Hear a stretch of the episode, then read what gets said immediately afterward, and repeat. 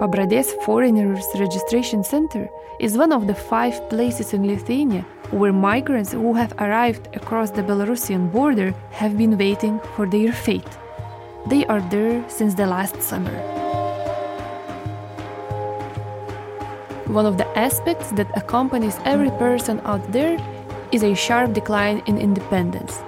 Things that adults normally take responsibility for and which they normally provide for their children now depend on the goodwill of authorities. A large portion of families that one meet there have come from Kurdistan, Iraq. These people mostly speak the Sorani and Kurmanji dialects. Few people know English.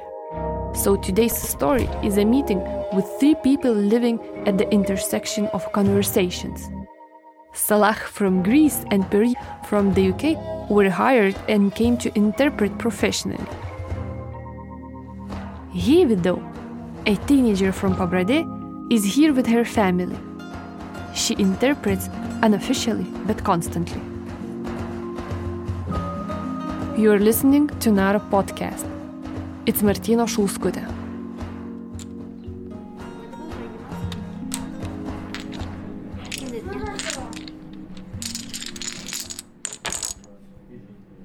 Like any of these people, there's something happens. Oh, he be. They say he become. No, of course. He is being called by many people many times per day to interpret conversations between Kurdish speaking people and local authorities, volunteers, doctors, and social workers. Our conversation might get interrupted too. of course, it might be okay. 90, 89%. Hivi learned to speak English well back in Kurdistan, in a private school called Sabis International. However, it's not common for kids in Kurdistan, Iraq, to speak fluent English. Kids don't get sufficient English skills in public schools. Because usually the original schools were not that good. Because, like, um, example, some of my cousins, they would usually go to school, but somehow they don't even speak English very well right now. The example, they don't speak English at all, but in international school, they usually teach us more. My school was all English, like the math subject, the science, like all of them were English. So I get to know more English. Hivi is 13 years old. She was attending international school with all subjects taught in English. But we came then i didn't finish it so uh, if i was there right now i was supposed to be in seventh grade But now, in Lithuania, he is only allowed to attend Lithuanian language lessons. She misses the rest of the subjects. it kind of feels weird because i was growing up always going to an original school and studying all together like for example math science and all of them together but it kind of feels weird because i only learned the language here At the time I had contact with Hivi, journalists were not allowed into migrant centers. So Hivi and I agreed to have additional remote recordings. I would send her an Instagram message with a question. She would record her answer on a small recorder that I left for her. Yeah. So the question for today is What were you like when you were a kid? If you don't remember, could you ask your parents? How do they remember you when you were a small kid? What was your character, your hobbies, your passions? Why are you special? So when I was a little kid, I was actually a smart kid and I was good at my school and studies. And my hobbies were actually, I would like to sing, and usually I studied, read books. And I was actually special since I was a smart kid and I was the only child. yeah, and I was known as a smart kid. Back in school, Hivi's grades were excellent, and she would spend a lot of her daytime studying. We'd mostly co- connect to each other and talk about our studies. And even right now, even though I left school and I'm here in Lithuania, still I'm in like those my school groups. Okay. And still they talk about study. Okay, so they're most of them they're still in the school Yes. and you're still in those groups. yeah. So in a way you're sort of you know what you're missing out. Yeah. Usually like a lot of collaboration between students. I've missed so usually we give each other some nicknames and those stuff for like fun. But like right now there were some mm, calling some nicknames. I was like, who's that? I couldn't get it who it, it was. But before I used to know everything, you know, because I was at school. How does it feel? Sort of sometimes hard and sometimes funny because all of them were studying and I'm like just relaxing. So now it feels a little bit like holidays. of course. okay. Though it's not really holidays. yeah, it's not. actually. It also feels like not having as much friends that I used to have before because like usually here all I see are the peoples in the camp and I see them every day. When we met in person, I was visiting her in Pabradės registration center. At that moment, she didn't have the possibility to leave the territory. But now Hivi's language school is outside the center. Her family lives in a one floor building together with more families in it. There is a kitchen, activities room, and around 10 rooms for families.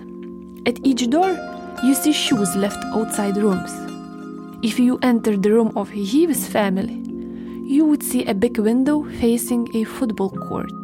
It's neat and tidy inside, with three simple single beds, a dining table, a refrigerator, and a wall closet.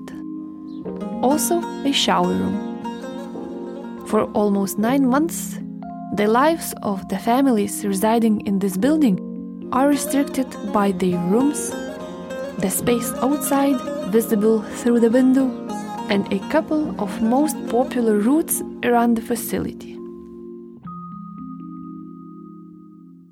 So my dad said that I can see you're smart enough. And in Kurdistan, usually people graduate and after they don't get any work to do after graduating.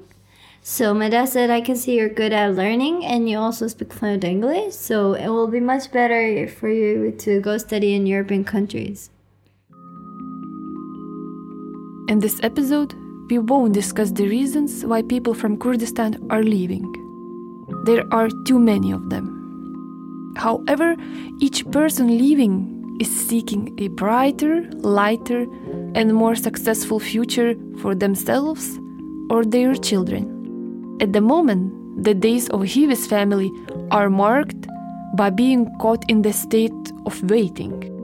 The daily routine of Hivi herself is marked by never stopping, interpreting, and translating. Okay, I'll start from the morning. So I woke up and I went translating. Okay. I put on my clothes and I translated for some peoples here in the center. Um, a man called me. His daughter, she's little, like one years old. She catched flu, so he asked me to go with him to the doctor and tell the doctor about it. And he got her the medicines, and we came back. And after I came back, I ate, ate breakfast, and then I went to school. And I came back. I went to my friends. And after uh, somebody called me to come translate for them, uh, I went to translate. And since I was in the same place, the the person that I was translating for, uh, the people that have came, they went. Same time, another people call, another person called me to go translate, and then it's random. Actually, people call me in the morning, in the night. they woke me up in the morning. It could be that Uh, they wake you up for translating. They do, word. yeah. Mm-hmm. This is how Hivi's family entered Lithuania, and we are entering Hivi's Lithuanian life, traveling Through her daily life in Pabradė today, we will try to better understand what it means to be a teenager who is daily interpreting conversations, documents, chats, miscommunications, and sometimes nonsense. So it's Christmas festival or Christmas. Yeah, it is. Yes, it's kind of like a festival. So like everyone's right now gathered up, teenagers, kids, and adults. All of them are like gathered up and they're singing and dancing. And our Now attention. Mamy wyżonka are two friend dares Хотят станцевать для вас танец. want to dance for you. Ваша задача Your task за ними повторить. to repeat after them. Я буду смотреть, кто красиво делает. are people interested? How do you think? I guess like all of them are stand up and like even the adults are here. So yeah, they are. I guess. Okay, let's dance to the pairs. Festivities that occur on routine days are memorable and important to the people here. They are relaxing and uniting them.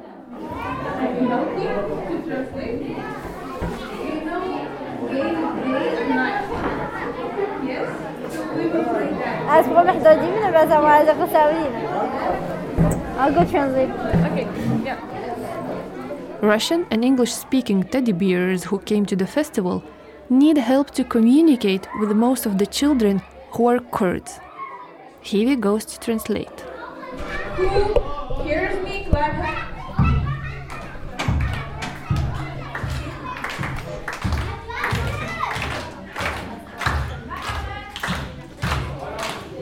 Okay, now everyone please sit back. Okay. Get it? Okay. we will play game day and night. When mu- music plays, we dance. And when there is no music, we stand like statues.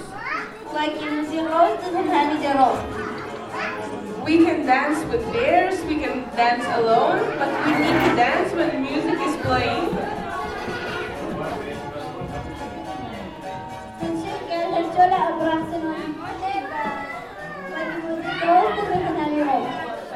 Okay, so everyone understands? Okay.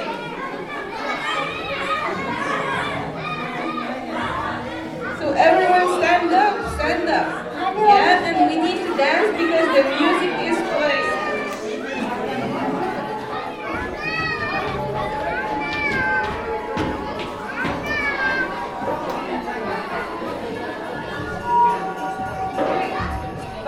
Uh, let's stand in the circle. Hello, everyone. New question for the day. Could you remember what was the best and worst day in Paprade? What was good and what was bad about them? So, actually, I think that the good one is like usually when there are like parties going around, as I remember those Christmas parties about um, Artscape did, I think, and some other companies or organizations. And everybody like gathered up in the dining place, and there was like everybody was happy and like celebrating, taking videos.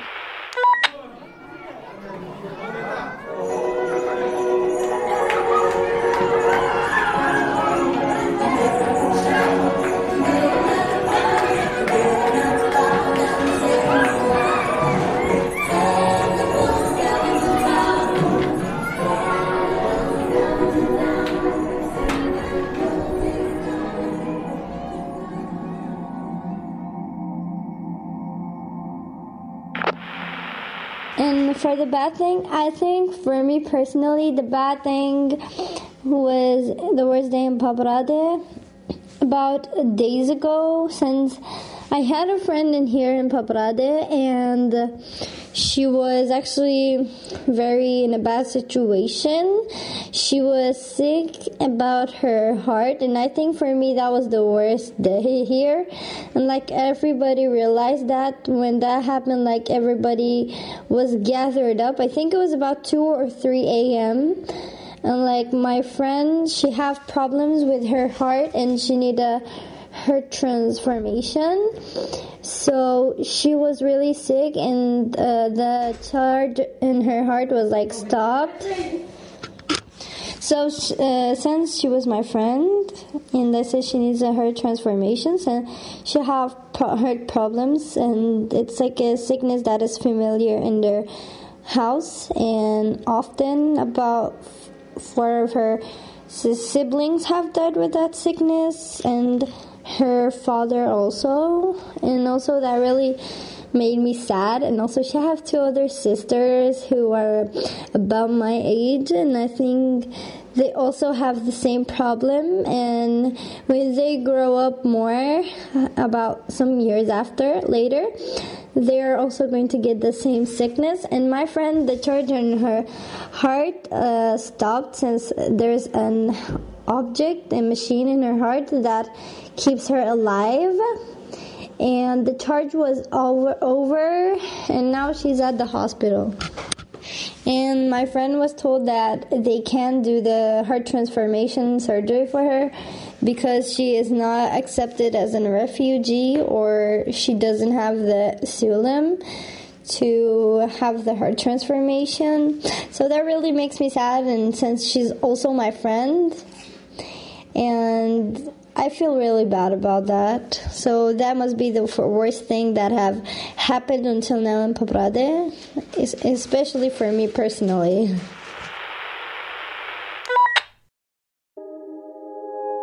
Other interpreters, Salah and Peri, both also grew up interpreting since they were kids. But now, they make a living out of it too. I'm Salah. My job occupation here is an interpreter in Lithuania. I am from Kurdistan of Iraq. So because of I speak Kurdish and Arabic language, uh, 90% of Iraqi people are either Arabic speakers or Kurdish speakers. Iraqis make up a large portion of asylum seekers arriving in Lithuania from Belarus. Salah started translating for migrants in Greece in 2019. So the main reason that I'm here in Lithuania is because of my job occupation as an interpreter. With uh, we cooperate with the migration office of Lithuania, but I belong to EASO, European European Asylum Support Office. Salah has been professionally interpreting for migrants for three years now. Moreover, his path to the profession is similar to Hivi's path. It started with school. Uh, so, and it was private as well, and it was a good chance for me to learn English and Turkish as well in the very early age. I remember many times my father was coming to the school to talk with the manager, school manager. They were Turkish people, and I had to be an interpreter for my father. And yeah, I was so young, like just 14 years old. Uh, but uh, meanwhile, it was nice experience as well. Like somehow I was proud in front of my father. I was mm. interpreting for him. My name is Peri Ibrahim. I am Kurdish background. I do interpreting quite some time. Um, I could say a quarter a century over, even more. I've been interpreting since 1988 in professional capacity as an interpreter. And before that, I come from a background of parents speaking two different languages. Which were? Uh, my mother was Armenian, my father's Kurdish, Aramaic speaking. Sorani and Kurmanji are the most spoken dialects of Kurdish. They both belong to the Iranian language family. Peri's father spoke the language that only a minority of Kurds speak now. It was Kurdish Aramaic, a Semitic language. The United Nations Educational, Scientific and Cultural Organization has listed Kurdish Aramaic as an endangered language in Iraq, Iran, and Syria. So when my mother came to live with my grandparents in Syria, uh, she couldn't speak Kurdish and she couldn't speak Arabic. And my grand, she couldn't speak Armenian or Russian. As a child, I was an interpreter between my grandmother and my mother. So the interpreting was a part of my growing up culture. Interpreting, I did not choose it as a profession. It was um, something that I was lucky uh, inherited this beautiful culture of languages from my parents and my neighborhood. In his first years in Britain, Peri was called by the Ministry of the Interior and asked to translate for new coming refugees. The officer who was doing the interview was so impressed with my conducting, and he told me I was born as an interpreter. So I told him, yes, I was brought up as an interpreter. Since then, Peri has been interpreting on and off for almost 30 years. I really do um, enjoy this job, but it's a very hard job. Um, yes, we are speaking the languages, but uh, the languages is not enough. As an interpreter, you have to to know the culture before you know the language. You know the attitude, um, religion, uh, social life, um, attitude of people, and from there um, it create more and more difficulty for you as an interpreter. Um, you may speak the language perfectly, but you'll not be able to do interpreting.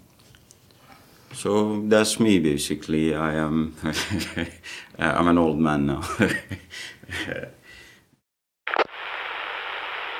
This is Hivi's Remote Recordings Radio on air again. Living in Pabradė center, Hivi doesn't have the possibility to merge into Lithuanian society and culture. However, there are details around from which she started knowing the country. And the weather comes first to get acquainted and maybe even loved. Um, so sorry guys, a bit late to record this question. So yeah, the question is, what is your experience of winter? What do you like about it? What you don't like about it? What sort of year seasons do you have in Kurdistan? What is your favorite time of year and why? So actually, I think um, about the winter, I really enjoy winter. It's like in my favorite season. So I really enjoy winter and like it's cold though, but I really like the snowing and the cold. I enjoy it. And in Kurdistan, there's actually not many snow in Kurdistan. And if you go maybe in the villages, there is snow in the winter, but not as much as you are going to find in Lithuania or some other countries, for example, Russia, Lithuania, um, and etc. etc. Oh, sorry, etc. So yeah, Kurdistan doesn't have a very cold season, and even though if it's snowing in some places, still it's like mm, you know barely snows mostly. So it's not that really cold as you can see in Lithuania. And and my favorite time of year is actually winter, like just like my favorite season, because I really like the coldness and like it's cold, so I just had to chill in my bed, for example, and don't worry about anything. So I really love cold weather. It's like favorite season. Many things besides the weather make a new place home. And for Peri, it was a girl. When I started studying, went to uni, I met a beautiful girl. And this girl, she actually uh, made me to feel like this is my home. That home I came from was not belonging to me, it was belonging to my father. Um, as a foreign, we are living in a limbo. Um, we come from two different cultural backgrounds. Um, we are in the top speed to catch up with the society that we are living with. And when we see our people, we pull the handbrake to slow down, to get back to the level of our society, because we are in, um, in between two cultures. So I, for me, I, I did uh, like top speed. I was always running. I was running in my studies. I was running in my work. I was running in my life. Uh, I was running in my love life. Um, I was doing things that I wasn't even believing on it. Uh, back home, if I was in love with a girl, I would not be able to hold her hand and walk in the street uh, freely. Uh, but over there, I was doing those things that is beyond my culture, beyond my principles. And um, when all these kind of things happened, uh, I created a, a new born person inside me. When we say integration, I'm an integrated person. That's not true. I am integrated to certain um, level, level yeah. but I am not. I'm not a fully born and bred. To understand is to belong. To participate is also to belong. And for Hivi, to translate is a way to belong too. What do you like about inter- interpreting, translating for other people? Is it different to translate to strangers in comparison to your own family?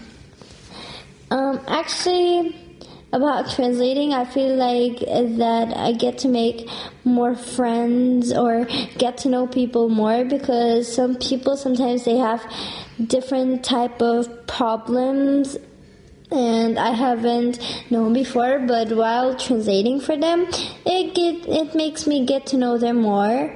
And also, um, I don't have actually a problem with translating for strangers, and I don't think that there's a difference to translate from to strangers or to my own family. I feel like it's all the same. So it's like, oh, I'm really okay with it. Um, on it makes me happy to to be helpful and makes me feel kind of useful to help some people like those people that needs me. For example when they don't speak english i have to go and translate for them.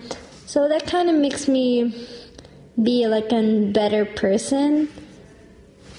Like makes me feel that i'm not useless and for some things it's not my duty to deliver the justice as an interpreter.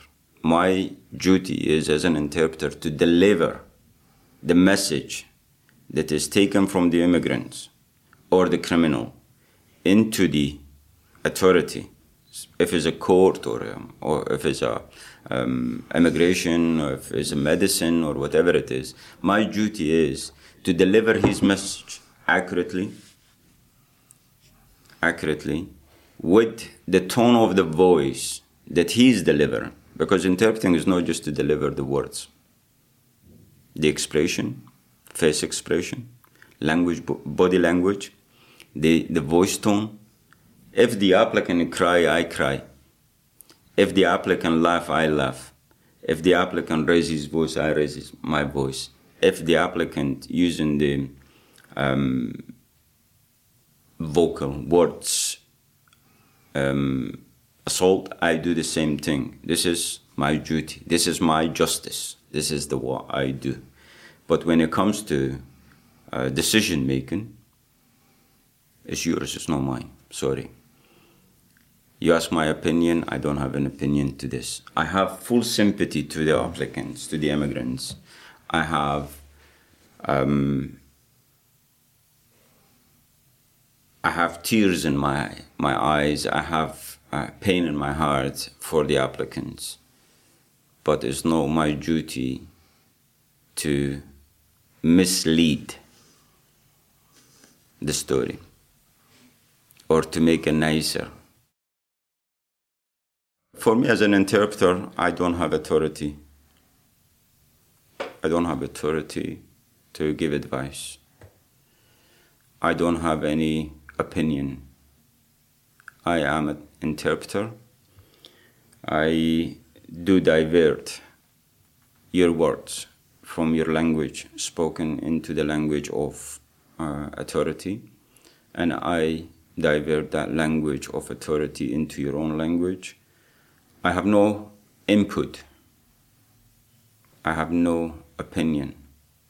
I do have an opinion, but I do keep my opinion to myself. I do not use my opinion as a part of my profession because I am there, I get paid for this job. This job I need to do impartial, with no side taken, no sympathy, and no hatred. For me, I do the job, I walk away. But Hivi, being an unofficial interpreter, is the one who cannot walk away easily.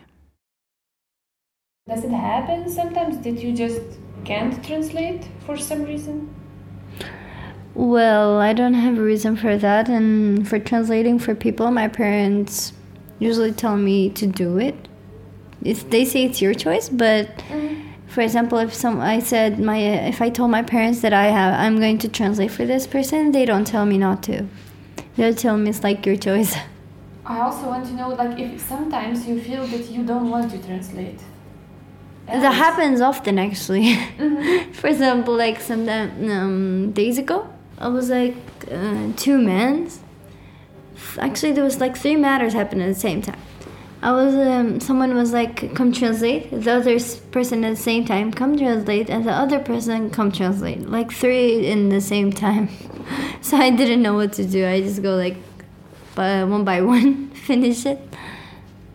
And you didn't have time for maybe do something for yourself. Maybe you wanted to eat then, or Maybe I just cancel that for later. you postpone your things for later. Yeah. Or you would postpone translating for later, maybe. Uh, my things usually because I say I'll just do it. It's better. And why do you think it's better? Because it's important, or uh, because you think that people really need this help? Yeah, I say maybe they're really in need or something bad have happened, so I just go translate for them. Mm-hmm. And are there sometimes uh, things that make you sad when you hear those stories? Um, there is sometimes. For example, like before days ago, a man was sick, and I went with his son. He was really sick. He had cancer, and I went with his son to the doctor to explain, and I, I was going to translate for them.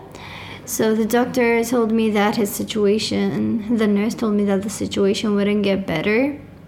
It's just uh, he's going to be in the same situation and not better because it's cancer, or usually sometimes they say that they can't do anything and for him. So they usually make me feel sad for that. And also, you are the one who has to actually say it. to them. Yeah. Because the nurse says it, but they don't get it. Like they don't understand. They don't speak English, so I have to translate for them. So actually, you are the one from whom they hear this Yes. news. Mm. But it doesn't stop you from translating. You just Yeah, I still do it. Like minutes ago, I don't know, before I came to you, Mm. A man asked me to go translate for him. I told you that. So I went and they told him that if he get the negative answer from the court and the immigration, the th- uh, it's gonna be his third time. They say that he will get deported back to uh, his country. So I got to translate that all too. to him. Yes, Mhm. to him and his family. hmm I understand that it is it is hard to say this to translate this Uh, they will feel things. bad so but i usually i said they're gonna know i'm not gonna lie to them so i just tell them everything they say Of course, yeah and of course because it's not you who is saying. it, Yeah, they're just saying it. translating. And do people like? If people understand this, that you're only translating and that you are not really responsible for anything. Um, they understand that yes, because like usually for all the matters they call me to come, and they say they see that I'm only translating and nothing's in my hand. I mean, I'm still small, you know, so there's nothing in my hand, and it's not like I'm doing a job just translating for them, a job without a salary. so that's how it is. And how do you think, is it fair that you're translating for everyone? Uh, no, actually, I feel okay with translating for people. You feel okay? Yeah, but like sometimes, for example, I'm not in the mood to translate, but I still do it because like they call me in to go, and I'm like, yeah, I'm gonna do it. Mm-hmm. Even though sometimes they tell me, oh, I'm sorry we woke you up or sorry we bother you, I'm like, it's okay, no problem. So I just don't show the emotions that if I don't want to translate for them. I want, I mean, I'm okay with it, but sometimes I'm not in the mood, you know? Or sometimes you just have other things to do. For example, like usually before going to school, people call me to go translate for them. And like I even get late for school, and I say, okay, no problem. Mm. So then you just probably have to explain for the teacher why were you late or hmm I have to. The question for today is Are you more an adult or more a child? What childish qualities you have and maybe you will always have? And what is adult and grown up about you? You can also consult people around you for answering this question if you think that they can expand the answer.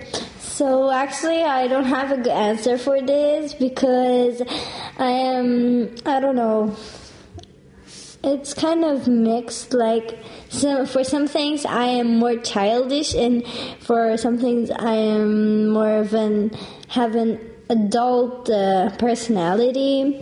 For example, especially around my parents, I am very childish sometimes around them. Uh, for example, like still I do funny things with my parents and childish things. Uh, I don't know how to give you guys the answer about that really because I have both of those personality. For some things I'm grown up and act like I'm grown up and adult and for some things I am very childish. And also, um, being like grown up, I'm mostly for that. I have an attitude, like in personality, not an attitude. I am mostly with people that are older than me. I feel more comfortable about it because I don't know, like I feel more to open to them. I feel like they can more understand me. And I think they're more friendly for me sometimes, more than those that are my age. So the answer is that I am for childish for some things and I am grown up for some things.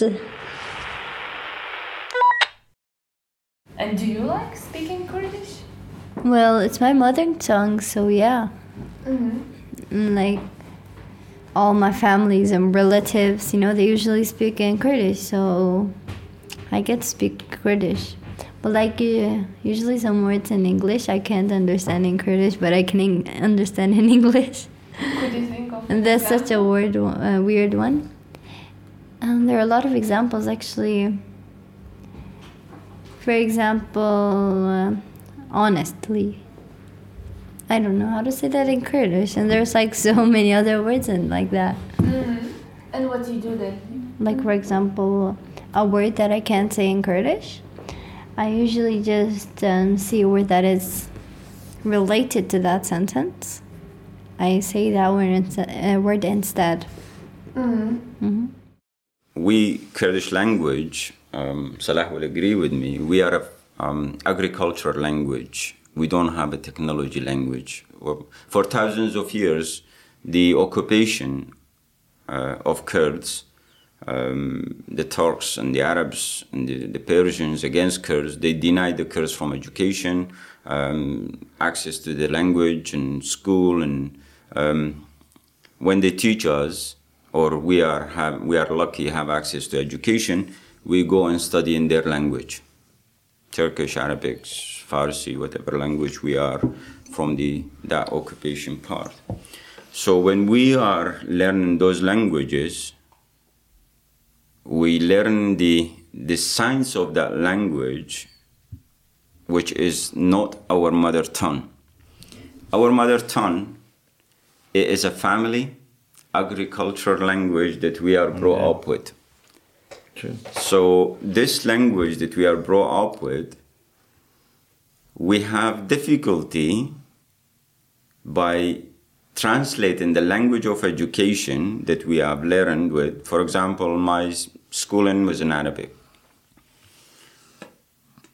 By interpreting Arabic poetry and Arabic uh, language into Kurdish, and be able to be in command of Kurdish language or, or, or balance in the Kurdish language with the Arab, Arabic language is again is a struggle for me uh, to go and search and read Kurdish poem and listen to Kurdish folklore and listen to songs that is being verbally passed uh, mouth to mouth, not writtenly. And uh, you go and look for individual to be able to listen to The oldest person in the Yeah, village, you village, could find yeah. the story Yes, there. It's yes. a fiction, you know. Absolutely. So we didn't hold the novel in our hands and reading it in a linguistic, uh, poetic language of literature of Kurdish um, because the occupation of the Turks and the Arabs, we were forbidden to learn our language. Now, for me to interpret for the applicants or for the immigrants, I have to deliver his message accurately. This is the justice that is my duty. If the applicant speaking with a baby language, I have to speak with a baby language. If he's speaking intellectually, I have to speak intellectually while I'm interpreting. If the applicant is speaking farmer, I have to speak like a farmer. If the applicant is speaking like a, a businessman, I would speak like a businessman. For me, I have to copy him linguistically, an expression and body language, into the foreign language in the same way, not to miss anything. This is the justice. But when I come, I know the person and I know his story, and I stand by him and interpret for him. I found that this is impossible for me to do it because I cannot do it. It will be. When you're in a situation, you express yourself differently from what you are. You're trying to make up it. And that makeup, sometimes you're creating different picture. For me as an interpreter, I cannot be involved in this. This way, the translators allow people and stories to pass through themselves, trying not to distort them, and to allow both sides to see each other's portraits as realistically as possible. We, we did the training, and it's mentioned all the tips, all the tricks how to to avoid uh, not to be emotionally broken or sometimes burnout. It happens as well to an interpreter, which is uh, like so fresh in the job or too much enthusiastic, and in a certain point it reaches tiredness, really depression. It leads to depression as well. Believe me because a, lo- a lot of tragic stories you hear every day a lot a lot of thousands it will be saved in your background of mind maybe in, in the middle of the night you, you, a story comes to your mind and you and you remember this is an applicant today has told a story and maybe in the dream you can even experience it Hey y'all, so here's a long question for today. Could you tell me about more your dreams, both night dreams and daydreams? Do you have any dreams at night that repeats from time to time? Do you have bad dreams, nightmares? Do you have pleasant dreams? Do you remember any special dream that you would like to tell? Um, actually, I don't uh, remember any good dreams or bad dreams because it's often so random. So I just don't know. There's like every night a different dream. So I don't know what to say to this because it's really random. And nightmares, yes, I got a lot of nightmares. And I don't know which one I should share with you guys. So it's like a lot of them and it's really random. So I don't know which one I should say, but to say the answer is yeah, I got a lot of dreams and nightmares, but I don't know which one I should say. So sorry about that. You accept that as a job. It is done eight hours after that, live your life. Unless if you continue in this circle, not coming out, it will eat you inside, or swallow you, or whatever, or drown you inside. And after the job, you have to just live your life, like meet your friends, hang out, etc. Not to stay on this same thing. Let it go, not to remain in your mind and stamp on it. And, and it, it, it, will may it may drive you to uh, be pessimistic person all your life. How intentional is leaving behind? How easy it is to detach yours- yourself from. Uh, you you have to leave it behind. That's if you love yourself, you have to leave it. We hear the stories, heartbreaking, um, makes you exhausted. Um, I have um, experience of such a thing. I mentioned uh, off records once um, with the Yazidi lady. The story of the Yazidi lady is indeed heartbreaking. It's of a scale you would not dare to imagine. And because it was told off record, I will leave it there, as there is no rights sensitive content warning to mark it. Now, this story was, um, I was getting stabbed in my heart. My blood pressure was going up while I was hearing it from her mouth. But it was her story. It wasn't attached to me. I look at it from a professional point of view, as I said to you, like a soldier, a doctor, a police officer, or whatever it is. Um, I do the job, I walk away, not talk about it. But her story, in one way or another, will stay with me for rest of my life. I cannot forget her story. And uh, this story hurt me so much, but hurt me when I talk about it. Do not hurt me when I don't talk about it. And this is how the a professional interpreters have to deal with the situation as a professional. For this reason, interpreting for emotionally and socially close people is the zone of danger. Though interpreting is a form of help, Hivi might probably walk on the eggshells, taking an emotional risk which might be hard for her to wait. However, we haven't discussed it with her personally. I also want to know if other people appreciate you translating. If you some, if you feel, or if they say you directly that they appreciate your work. Um, usually, yes, they appreciate me translating for them, and like, um, uh, oftenly they tell me, "Wow, you're so young and your English is really good." Even those people that I translate for, not those that are in the center, those people that comes here and the they comes in the cab and do stuff. So usually, even the security officers, they usually told me, "Wow, you're so young and your English is really good." Okay, so they really appreciate you and your work. Yeah, they do. I have so many issues from my childhood interpreting for my mother and grandmother. And it was a simple interpretation from my granny says, We're gonna cook aubergine tonight. My mom says, No, we're gonna cook okra. And then I have interpreted both. And then we end up eating none of them. Because grandmother said something and mother said something. and then the both decided not to cook the what they said. They cook something else, and we eat something else. So this it was affecting.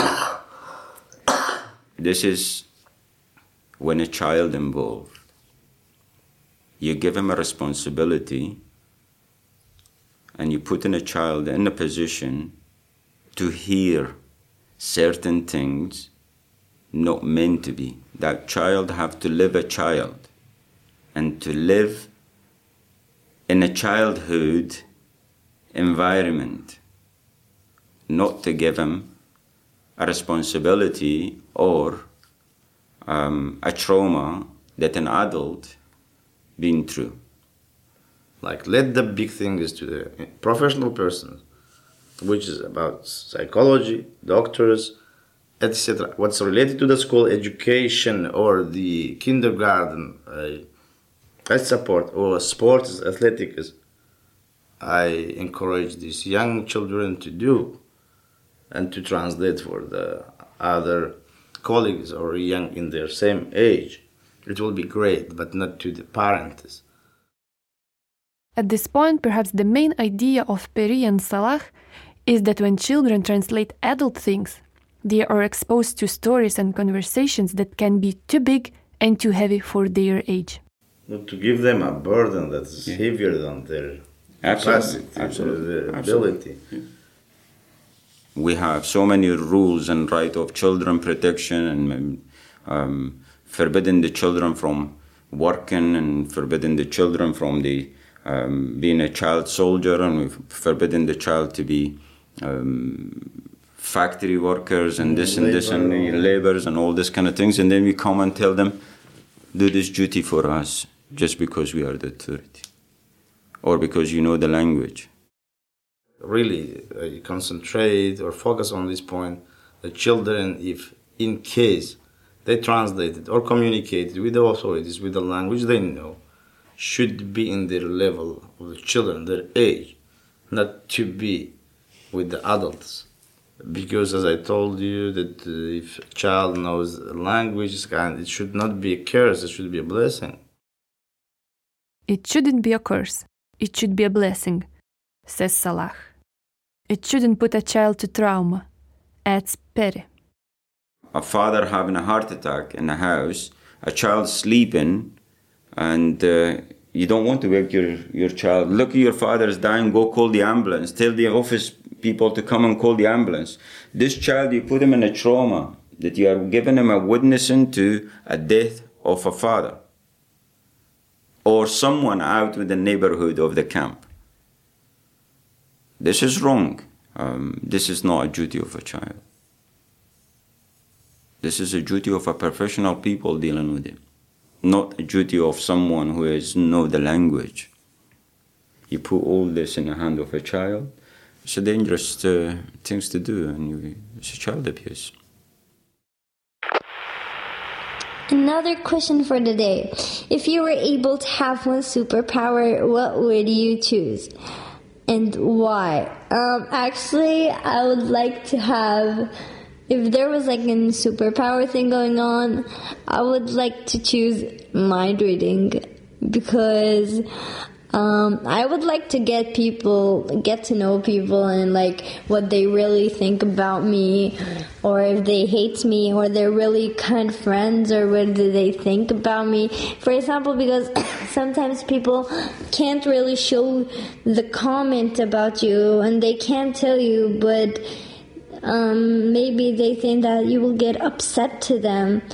But really, I would like to be, have the superpower of mind reading, so I can really know that. And if it's uh, a mistake in me, for example, something that I'm doing wrong, and it's like an an idea of them, a comment, they can tell me, but they can't really tell me because they think that I will maybe be upset, as I said mentioned before.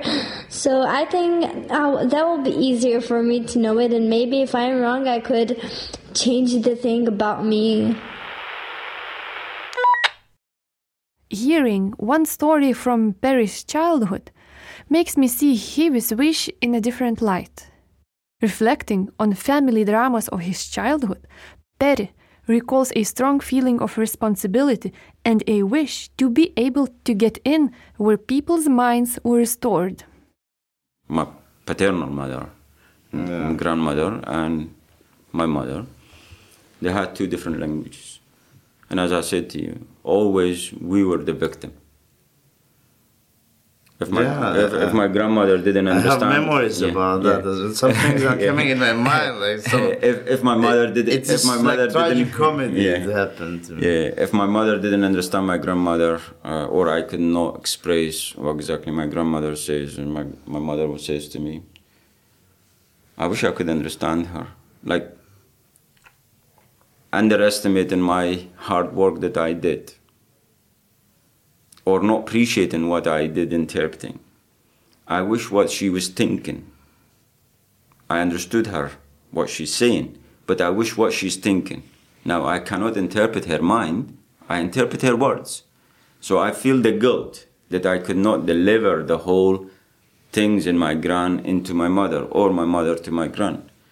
And again, jokingly, I keep saying that we did not eat the dinner that we were hoping that we were to. And then we were surprised with something else. Another question. Could you describe your family? What is your mother like? What are her best sides? What is your father like? Why do you like him? How do you get on with them in general? What do you like to do together with them? Do your parents sometimes annoy you? Why? So actually, I think everything about my parents are the best to me because my parents are like my heroes. They will they were always by my side. For example, when I was more little, like when I was about eight or seven, sometimes when I go got hurt or for or for example if I fall and injure my knee or anything, my parents would always support me and tell me, "Oh, it's okay. You're gonna be fine. There's nothing to be scared of. It's just going to." For example, hurt for a while, and then it'll be all good. and also- my mother, her breast sides are usually I don't know, how could I say? I think everything about them are the best. And um wait a minute. What do I like to do with them? Uh, about everything. Like usually I feel very comfortable when I am around my parents and so I usually like to do handworks with them or for example go out with them, have some free time together, like a vacation, a holiday, or something like that. And my parents, um, they don't usually annoy me, but sometimes since I'm in K-pop stan, sometimes my parents they're really not into K-pop and those things. So sometimes they're like, "Oh my God, why are why are you wasting your time on this?" So that's why I get annoyed for because well, I still I still love K-pop and I always will. So it's all good.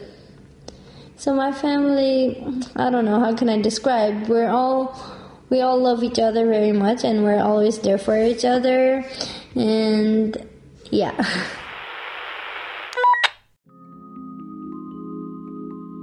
During the time spent in Lithuania, Hivi has changed. Of course, being a family person and also being a fan of a Korean pop band BTS haven't changed. Even though back in Iraq, Hivi was embedded in the social life of her hometown, she was not a communicative person, she says. She enjoyed spending some time in solitude and exploring the world via her phone. Crowded life in Pabrade is different in many layers. I was not into talking with people or communicating. You were not. But now you're communicating. But now I'm communicating with every single person. Do you think it changed you as a person somehow? It did, yeah. So, like, for example, when I was at Iraq, I didn't like kids. Kids, yeah. Babies, yeah. But, like, here right now, usually, yeah, you see that girl, little girl, like, she was, like, coming knocking at the door calling my name. So, um, I'm getting more used to being with kids, small kids. And now you like them and they are coming to visit you Yeah. because they feel that they have a connection with you. I mean, they're kids. I don't know what they're feeling. they're Most small. probably they feel safe with you. That's why they are coming. Yeah, you. probably. Yeah. So it's, it's a change in you, in your personality, or maybe how you see It the is. world. Um, well, actually, I was usually a jealous type. Okay. yeah, I was like, honestly, my dad would um, hold my cousins, and I was like, oh no, I'm jealous for it. Mm. But like right now, my dad had said, this is my for example, son or daughter. I don't care. I'm okay with it. Okay. Because why? I don't know why I used to be more jealous. Silly. I was jealous, but here I am not. Uh, like because you get so much attention from everyone that No, I don't know. It's just a different in me. Okay, so That it's I've just something different in you now. Yeah. Yeah. So yeah, you you maybe you Grown up. grew up maybe not grown up yet completely. Yeah. Hivi has lost one of her grandmothers just before coming to Lithuania. Another grandmother passed away when she was here. Hivi had to come to terms with what is unavoidable. I would ask you to share your feelings about how it is to be far away from the rest of your family at such a time. Does they all f- feel even more away, or does it feel that you all are more united today? And what good memories of your grandmother do you want to keep in the future? So actually, as I didn't mention before, my grandmother passed out on 7th February of 2022. So actually, I think we all are far away, but as soon as we all are united in our hearts and we are all together in our hearts and like me and all the other family members.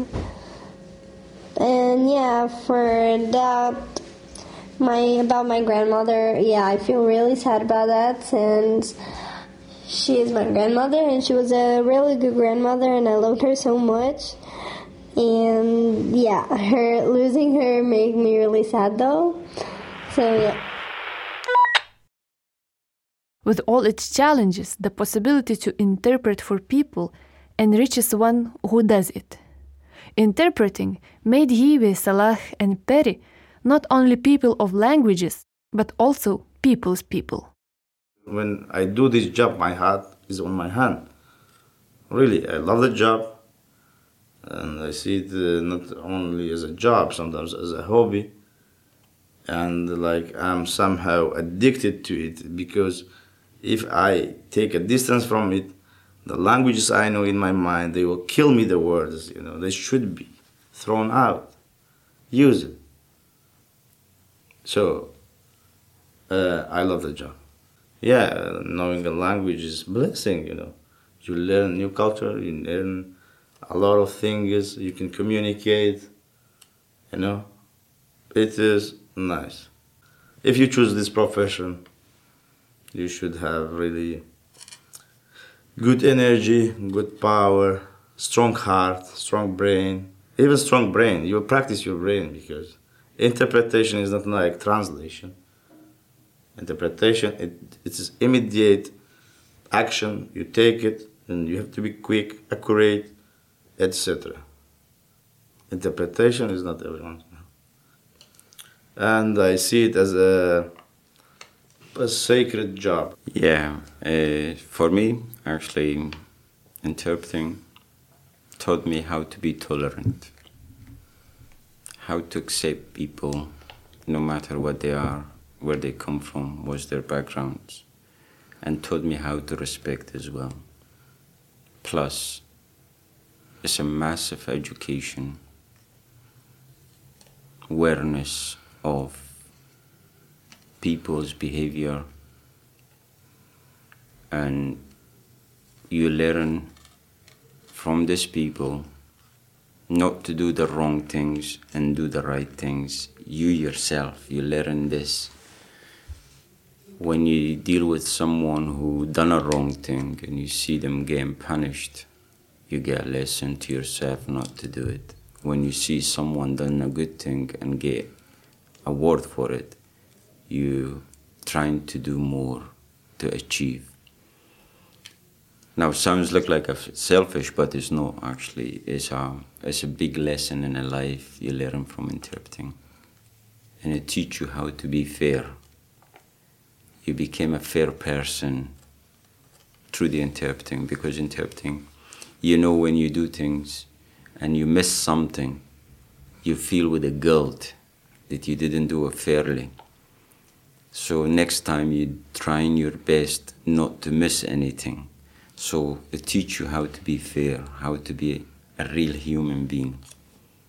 It puts you in a, an ocean, open ocean, and open your vision, your visibility, your tolerance, your fairness. It, it makes you a real person, a real person that is you might not even read in the books or you heard about. Another question. Do you pray often? What does it mean to you? In what situation do you think praying helps and which doesn't? So, yeah, I pray often since I am a Muslim. I play, pray five times a day. And it really means a lot to me. And I always, always try the best as I can. And usually I don't miss my prayers. And I try my best, best to even not make it late. But um, I think it helps me in every situation. And I don't think that there's any situation that it doesn't helps me with it. I think it's really helpful and it makes me feel really comfortable while p- praying. It makes me feel, for example, more, you know, I don't know how can I say it. Yeah. Majority of people they look at an interpreter. So what as an interpreter? They take it with a um, very low level but interpreter actually have provided services to to everything in a life from a religion an explanation of god right through to medicine and patient so interpreter when you say interpreter it means that the person who is communicating you with a god by satisfaction we explaining God to, to people. That's what interpreting it is. We are interpreting people to communicate, and people to understand each other's pain, and people to understand each other's happiness. This is what interpreter it is. And it's very hard. we might talk like a normal people, but we are mostly depressed, by the way. this is what it is. Uh, this is a reality. We have to accept it.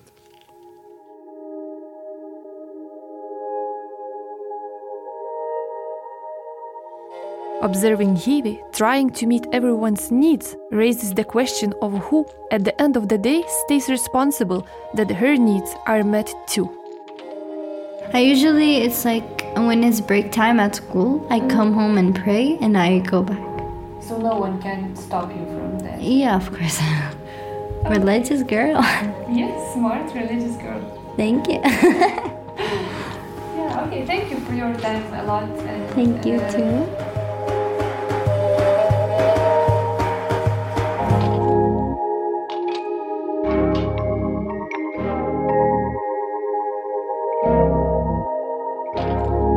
This is our episode today. Episode was produced by me, Martina Šulskutė. Music composer and sound engineer is Katarzyna Bytoft. Music contains samples of traditional Kurdish instruments daf, baglama, and kamancha, from the performances of Negar Rizazi, Mulis Berberolu, and Kayhan Kalhor. Photographies were made by Berta Tilmantaitė and me. This episode was a part of the project Kai susitinka istorijos, made in collaboration with arts agency Artscape and Diversity Development Group. It was funded by Asylum Migration and Integration Fund. Voiceover was recorded in Martynas Mažvydas National Library. If you like this episode, support our work on Contribee or Steady platforms. Thank you for listening. Bye bye.